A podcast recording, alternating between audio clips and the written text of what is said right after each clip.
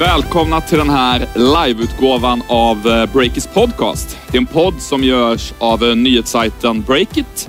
Vi rapporterar om techbolag och digitaliseringen av eh, samhället. Olle Aronsson heter jag som gör den här podden och jag brukar göra den med min medgrundare till Breakit, Stefan Lundell. Men han är inte här idag utan det är en livepodd som är lite annorlunda från vad vi brukar göra.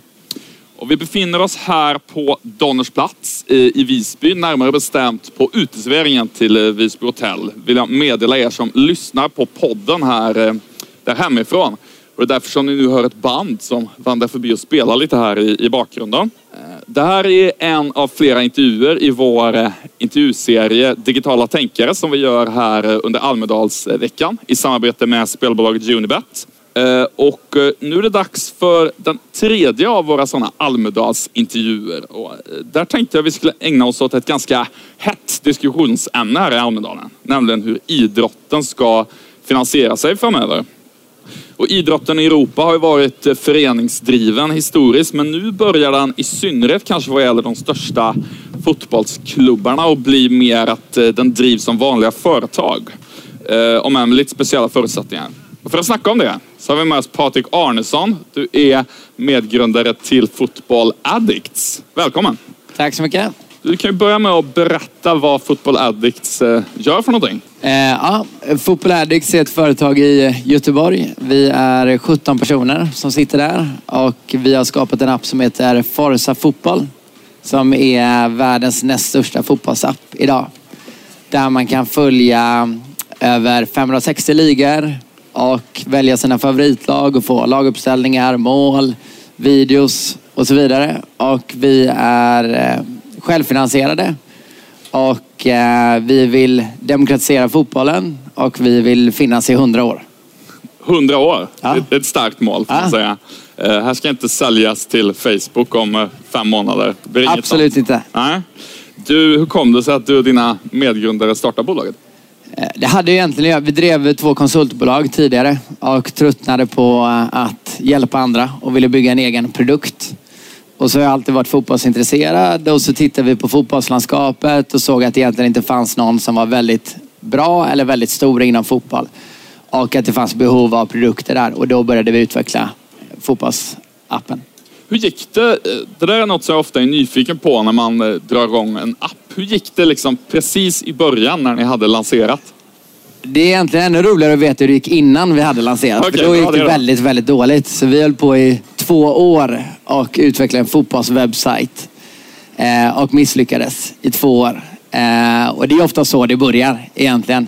Men sen efter det vi hade lärt oss så bestämde vi oss för att göra en app och nu i efterhand så visade det sig att det var väldigt bra timing. Det var 2012 som vi släppte den här appen. Och vi fick 300 eh, 000 användare den första månaden. Shit. Det är ju väldigt starkt då för er som inte är liksom inne på apputveckling och så. Så 300 000 första månaden, då är det, då är det high five. Ja, då var vi, eller, den största känslan där var där egentligen att bygga en produkt som folk faktiskt använde. För vi, hade, vi kom ju från att jobba i två år med att bygga produkter som ingen använde. Så det, det hade inte spelat så stor roll om det var 100 000 eller 300 000. Det var bara det att folk använde den produkten vi faktiskt hade byggt. Det var en skön känsla. Men var ni inte nära att ge upp där under de här två åren av eh, lidande? Eh, jo, det var, eller nej, eh, andra gav upp. Vissa faller, av efter, efter resans gång. Men vi var beslutsamma om att vi ville bygga någonting som folk använde. Och det behöver man vara för det kommer ta tid och man kommer göra fel och man kommer misslyckas. Du, uh, App Store och Google Play, de här appbutikerna, de är ju fulla av eh, drösar med appar som aldrig riktigt lyfter. Och det är svårt mm. att sticka ut i mängden. Vad var det som gjorde att ni liksom fick fart så snabbt när ni väl kom ut? Alltså det vi gjorde var egentligen att vi, vi löste ett problem. Det är ju många av de apparna som finns i App Store som inte löser så många problem. Utan vi eh, byggde en produkt som folk saknade på marknaden. Man ville ha en app där man kunde följa resultat och där man kunde välja det som var intressant och man ville få pushnotiser. Så det vi gjorde egentligen var att kolla på en produkt som var populär och så kollade vi på hur kan vi göra den här bättre. Och så kollade vi vad användarna saknade och så tog vi allting som de saknade och gjorde en helt ny app som löste ett problem som användarna hade. Ehm, och sen så ehm, jobbade vi även mycket med att lokalisera den så det fanns på 12 språk när vi väl släppte den. Och sen skickade vi ut den till journalister och sa Titta den här appen är mycket bättre än de här andra som gör samma sak. Och då publicerade de och skrev om det här. Journalisterna nappade. De Ja, svalde men precis. betet rakt av. Ja men precis. Och det var ju en annorlunda och nytänkande produkt också. Du, eh, du har tidigare sagt att du har liksom irriterat dig på hur fotbollsfans åsikter eh, beskrivs i medier. Att eh, en Twitterstorm som kan vara ungefär 20 personer beskrivs som att det här är vad supportrarna tycker. Vad, på vilket sätt har ni liksom plockat in det i er app? Precis, vi vill ju, vårt stora mål är att demokratisera fotbollen. Och det första vi började, det vi såg som vi såg var ett stort problem inom, inom fotbollen, det var just det du nämner. Att man plockar upp en åsikt och en åsikt blev sedan fansens åsikt. Och då sa vi att ja, men vi kan börja med att försöka samla in vad tycker egentligen fansen? För nu har vi ju tre miljoner användare här som använder appen. Och eh, en första grej vi gjorde var tillsammans med Amnesty där vi frågade fansen om man borde väga in mänskliga rättigheter när man anordnar fotbolls-VM. Och på den frågan så svarade 86 procent av fansen ja. Det var över 30 000 som röstade. Och nästa fotbolls-VM är i eh, Ryssland och sen i Qatar. Och där, det visade då egentligen hur, hur eh, att de inte var på samma nivå. De som bestämde över fotboll och fansen. Och vi vill lyfta fram fansens åsikt och på så sätt förändra och förbättra fotbollen. Du, tre miljoner användare nu. Eh, du kan ju berätta lite grann hur intäktsmodellen ser ut på det. För ni är ju självfinansierade. De flesta bolag är ju inte det. De har ju i, av er typ, de är ju riskkapitalfinansierade. Men du har dragit Ja. in pengar ända sedan starten kan man säga. Ja, det är ganska konstigt egentligen att det anses unikt att vara självfinansierad. Ja, men det, är- det är ju inte konstigt, men det är ju så. Ja, men det är så. Och det är Ja. ganska tragiskt i och med att det är själva tanken med att driva ett företag, att man ska kunna tjäna pengar på det. Men det är unikt så som världen ser ut idag. Men vi är eh, finansierade genom annonser. Eh, så vi säljer annonser till, ehm, vi jobbar till exempel med Unibet på den svenska marknaden och låter dem visa då odds på den här specifika matchen. Så relevanta annonser. Vi låter Nike visa vilken sko målgöraren gjorde mål med till exempel. Så bra annonser till användarna. Mm. Kan jag säga då lite grann för transparensens skull, att det finns ingen koppling mellan att vi gör, vi gör det här i samarbete med Unibet. Jag har faktiskt valt ut Patrik ändå, helt oberoende av det. Ovetande som att eh, Unibet var annonsör. Eh, men ett eh, intressant sammanträffande. Du, eh, var, ni är ju redan ett vinstdrivande bolag då, så på det viset har du ju kommit i mål. Vad är liksom nästa steg för Football Addicts?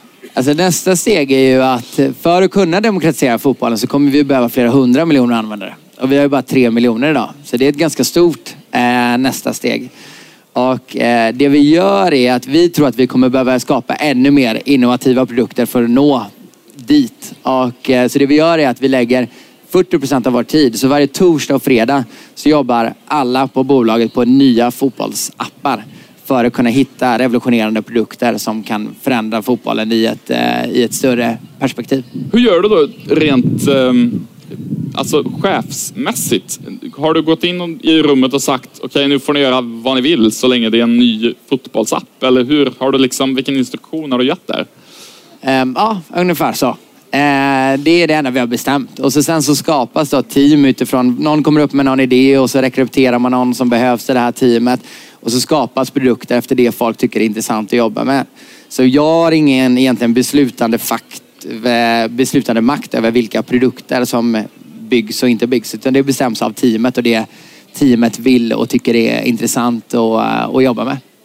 Det låter ju som att eh, det kan vara lite kittlande nästan eh, så att man kan bli rädd för det som chef. Att man liksom inte har kontroll på vilka produkter det blir till slut. Hur, hur resonerar du kring det där? Eh, tanken, så som vi tänker när vi anställer folk, vi vill vara ett ganska litet bolag. Vi är 17 personer idag och vi vill vara under 25 personer. Och tanken är att alla vi anställer ska vara bättre eller smartare eller tillföra någonting som vi själva inte kan. Ehm, och det innebär ju också att de antagligen är bättre och smartare än vad jag är. Så ehm, då är det ju mer logiskt att de bestämmer än att, än att jag bestämmer över vilka produkter vi gör.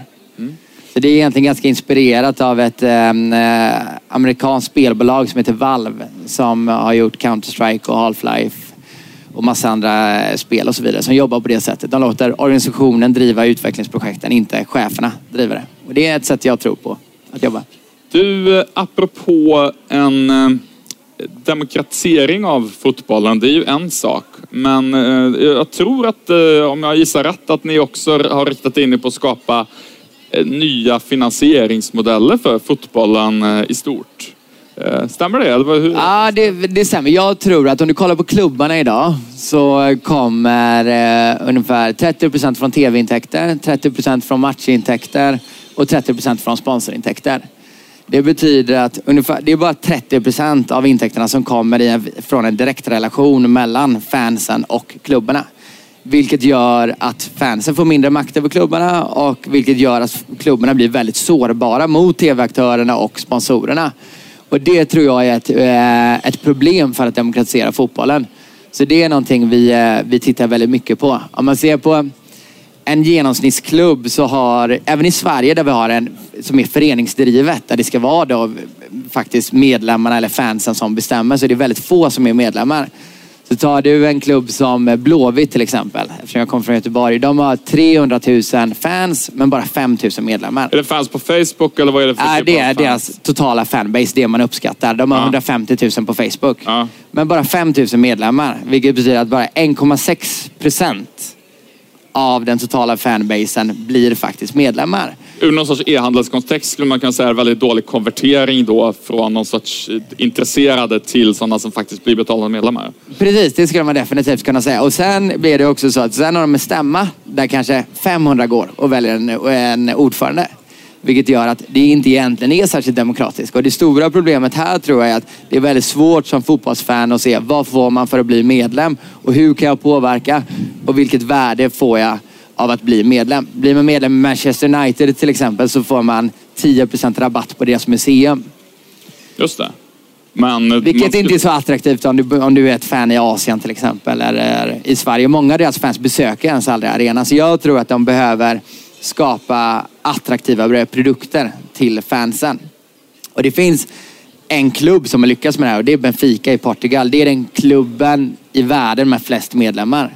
Och det de gjorde var att de erbjöd, de skapade en tidning med 30 journalister som gavs ut en gång i veckan där de skrev riktigt bra innehåll om klubben och en egen tv-kanal. Och det jag tror det handlar om är att göra någonting liknande men skapa det digitalt. Så eh, fotbollslagen behöver bli sina egna mediehus lite grann för att Precis. liksom få en bättre relation till fansen. Precis, det är det. Vi håller på att skissa på en produkt som går i den linjen där det egentligen handlar om att man låter fansen komma närmare, eh, närmare klubben och kunna påverka klubben. Och eh, det tror jag är ett viktigt led i att demokratisera fotbollen men också göra en bättre upplevelse för fansen. Tror du att ni har någon del i att skapa någon sorts digitalt eh, medlemskap? Alltså att eh, de här 5000 personerna eller vad det nu var som eh, är medlemmar i föreningen IFK Göteborg till exempel. Att de liksom via er på något sätt skulle kunna bli digitala medlemmar i en klubb så man kan få mycket fler. Eller hur tänker du kring det där? Det är precis det vi tänker oss att, att göra. Skapa en produkt som klubbarna kan använda för att komma närmare, närmare fansen. Och eh, på så sätt också kunna påverka och förändra eh, fotbollen. Och pratar man med klubbarna, framförallt klubbarna i Sverige, så vill ju de att fansen ska kunna påverka. Men de har svårt att hitta sätt att nå ut till de riktiga fansen och de som faktiskt är medlemmar.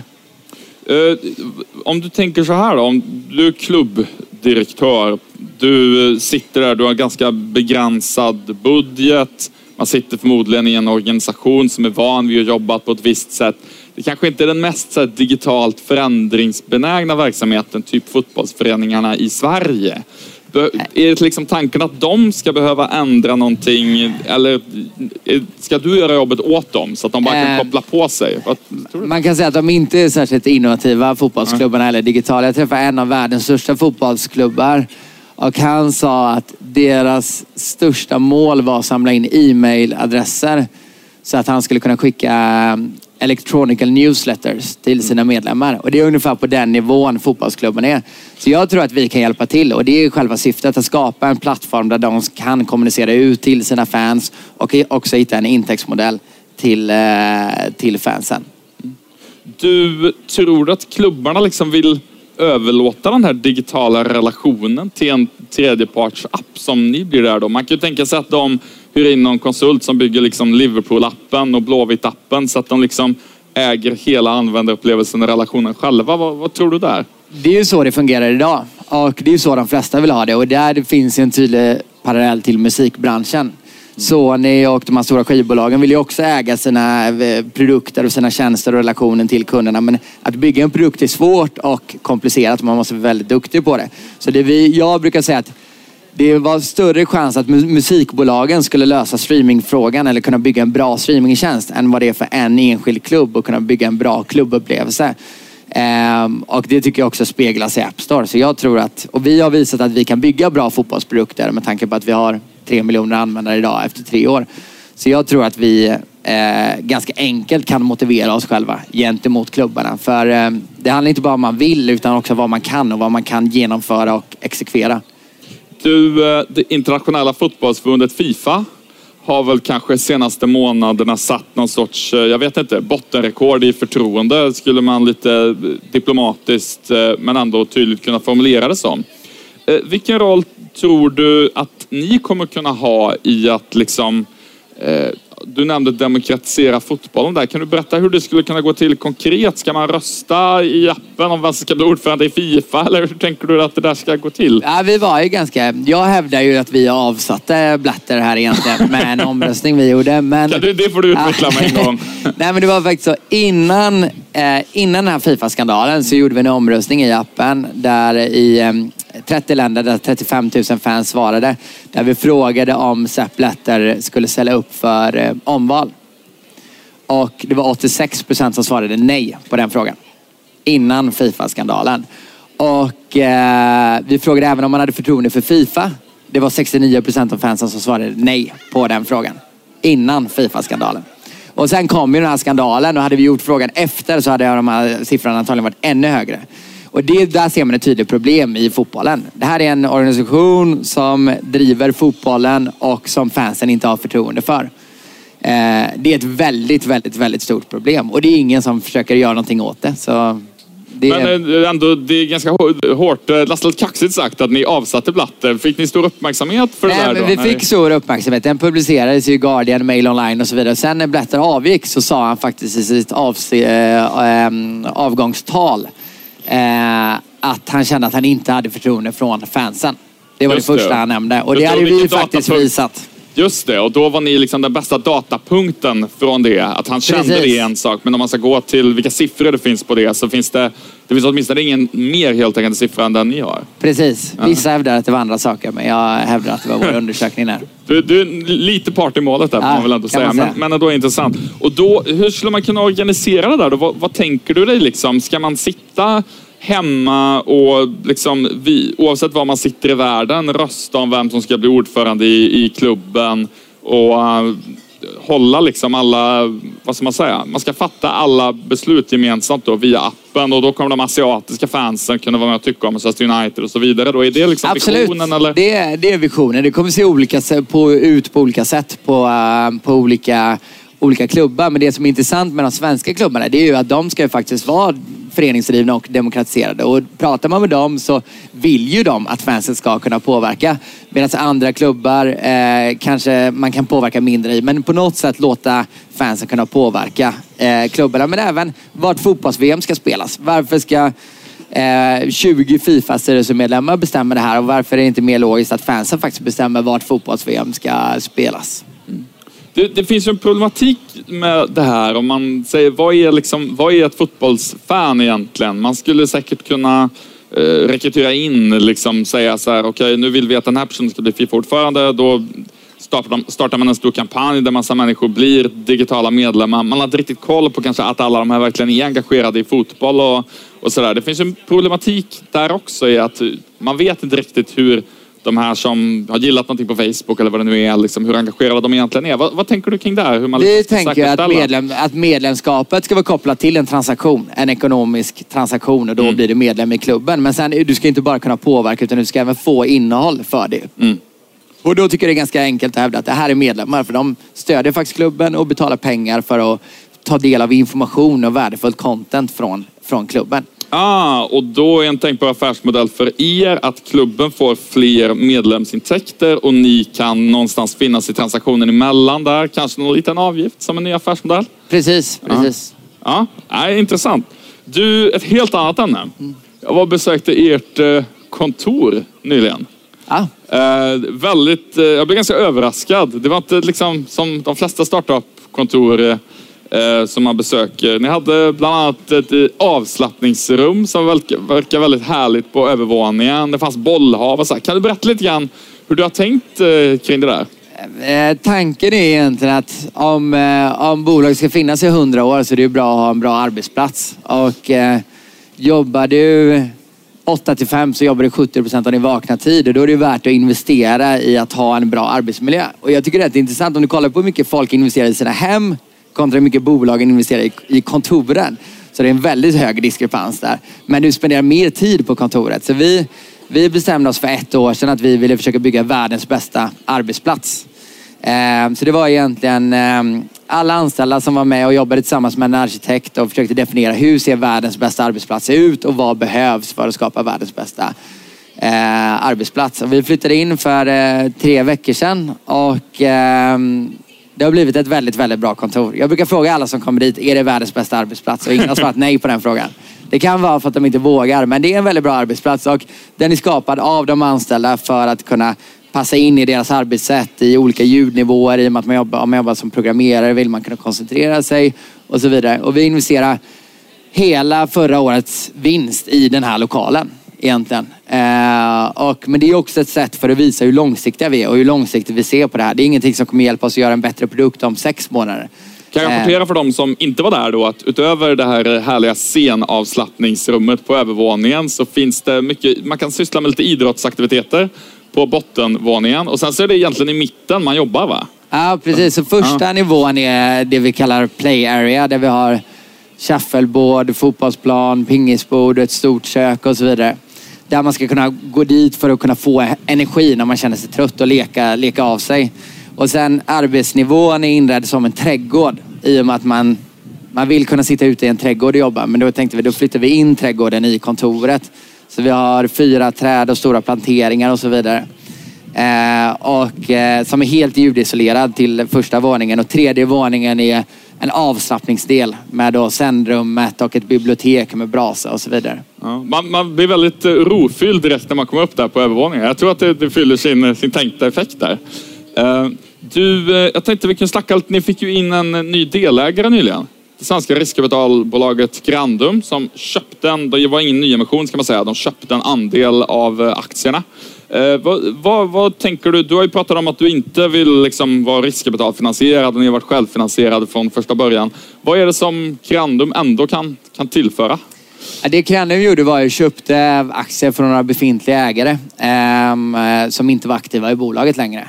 Och eh, i och med att vi inte ville ta in pengar. Och, eh, men de gjorde det ändå, vilket är ganska unikt för ett riskkapitalbolag att göra. För de brukar gå in med pengar. Det är deras vanliga Ehm, affärsmodell. Och det de kan tillföra är ju eh, framförallt erfarenhet från andra bolag som de har hjälpt eh, driva. Eh, de gjorde ju även så att vi fick in Gustav Ahlströmer som är eh, Head of Growth på Airbnb eh, i bolaget. Så väldigt många bra kontakter och eh, bra erfarenheter. Eh, en annan sak jag är lite nyfiken på vad du ser på. Det, man brukar eh, kanske prata om att Stockholm är den hetaste startup-staden i Sverige. Eh, Göteborg har en hel del spännande bolag på gång men inte riktigt lika många brukar man säga i alla fall. Vad, vad, vad är din bild av startup Göteborg? Hur mycket kokar det där av nya heta bolag?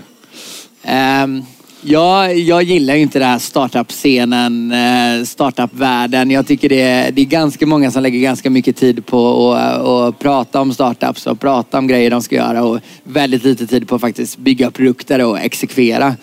Ehm, jag har inte reflekterat så mycket över det, men Spotify finns ju, har ju sitt kontor i, eh, i Göteborg och de är ju väldigt duktiga. Ehm, och det finns, eh, ja, men det finns väldigt många duktiga bolag i Göteborg också. Men jag tror att platsen du befinner dig på har inte ett jättestort värde. Jag tror du kan skapa en världsledande produkt oavsett var du befinner dig ehm, i världen. Vi flyttade ju kontoret till San Francisco en månad för att testa av och se hur det var att jobba där. För vi trodde att det skulle ha ett stort värde. Men vi såg väl egentligen att det kanske inte hade så stort värde. Det, vi, eh, det var lite, det var lite dyrare än Göteborg. Det var väl den stora, stora skillnaden. Så den här hypen kring speciella ställen, den, den är liksom inte så viktig utan det är mer, man kan vara var som helst i en global digital ekonomi. Nej, det tror jag absolut. Jag tror, eh, jag tror verkligen det. Jag tror det är väldigt, väldigt överskattat eh, var man befinner sig för att skapa ett världsledande bolag. Och jag, jag tycker det finns ett bolag i Göteborg som eh, inspirerar mig väldigt mycket och det är Forsman och Bodenfors som har blivit utsedda till, utsedda till världens bästa reklambyrå. Och som faktiskt sitter i Göteborg. Och då tänker man reklam, kreativitet, ja men då är det London eller New York. Men de lyckades göra det i Göteborg. Och jag tycker det är ett bra bevis på att eh, eh Det handlar om att bygga ett bolag långsiktigt och skapa en, en bra kultur och en bra produkt. Så eh, kan du lyckas var du än befinner dig. Du, eh, avslutningsvis, eh, du är från Göteborg. Håller du på Blåvitt eller vilket fotbollslag håller du på? Jag har faktiskt inget favoritlag. Eh, men jag vill att Blåvitt ska vinna men jag gråter inte när de förlorar. Så jag skulle inte säga att jag är Blåvitt-fan men det är väl de jag håller mest på i Sverige i varje fall. Det låter som eh, ett eh, mentalt ganska skönt state att vara i. Att man är glad när de vinner men eh, man slipper Väldigt, väldigt skönt. Ja. Jag är inte avundsjuk på de som har ett verkligt favoritlag och, och ser den ångesten de genomlever när laget förlorar och så vidare. Så det, är- det är rätt skönt faktiskt. Du, tack så jättemycket för att du kom hit. Tack så mycket.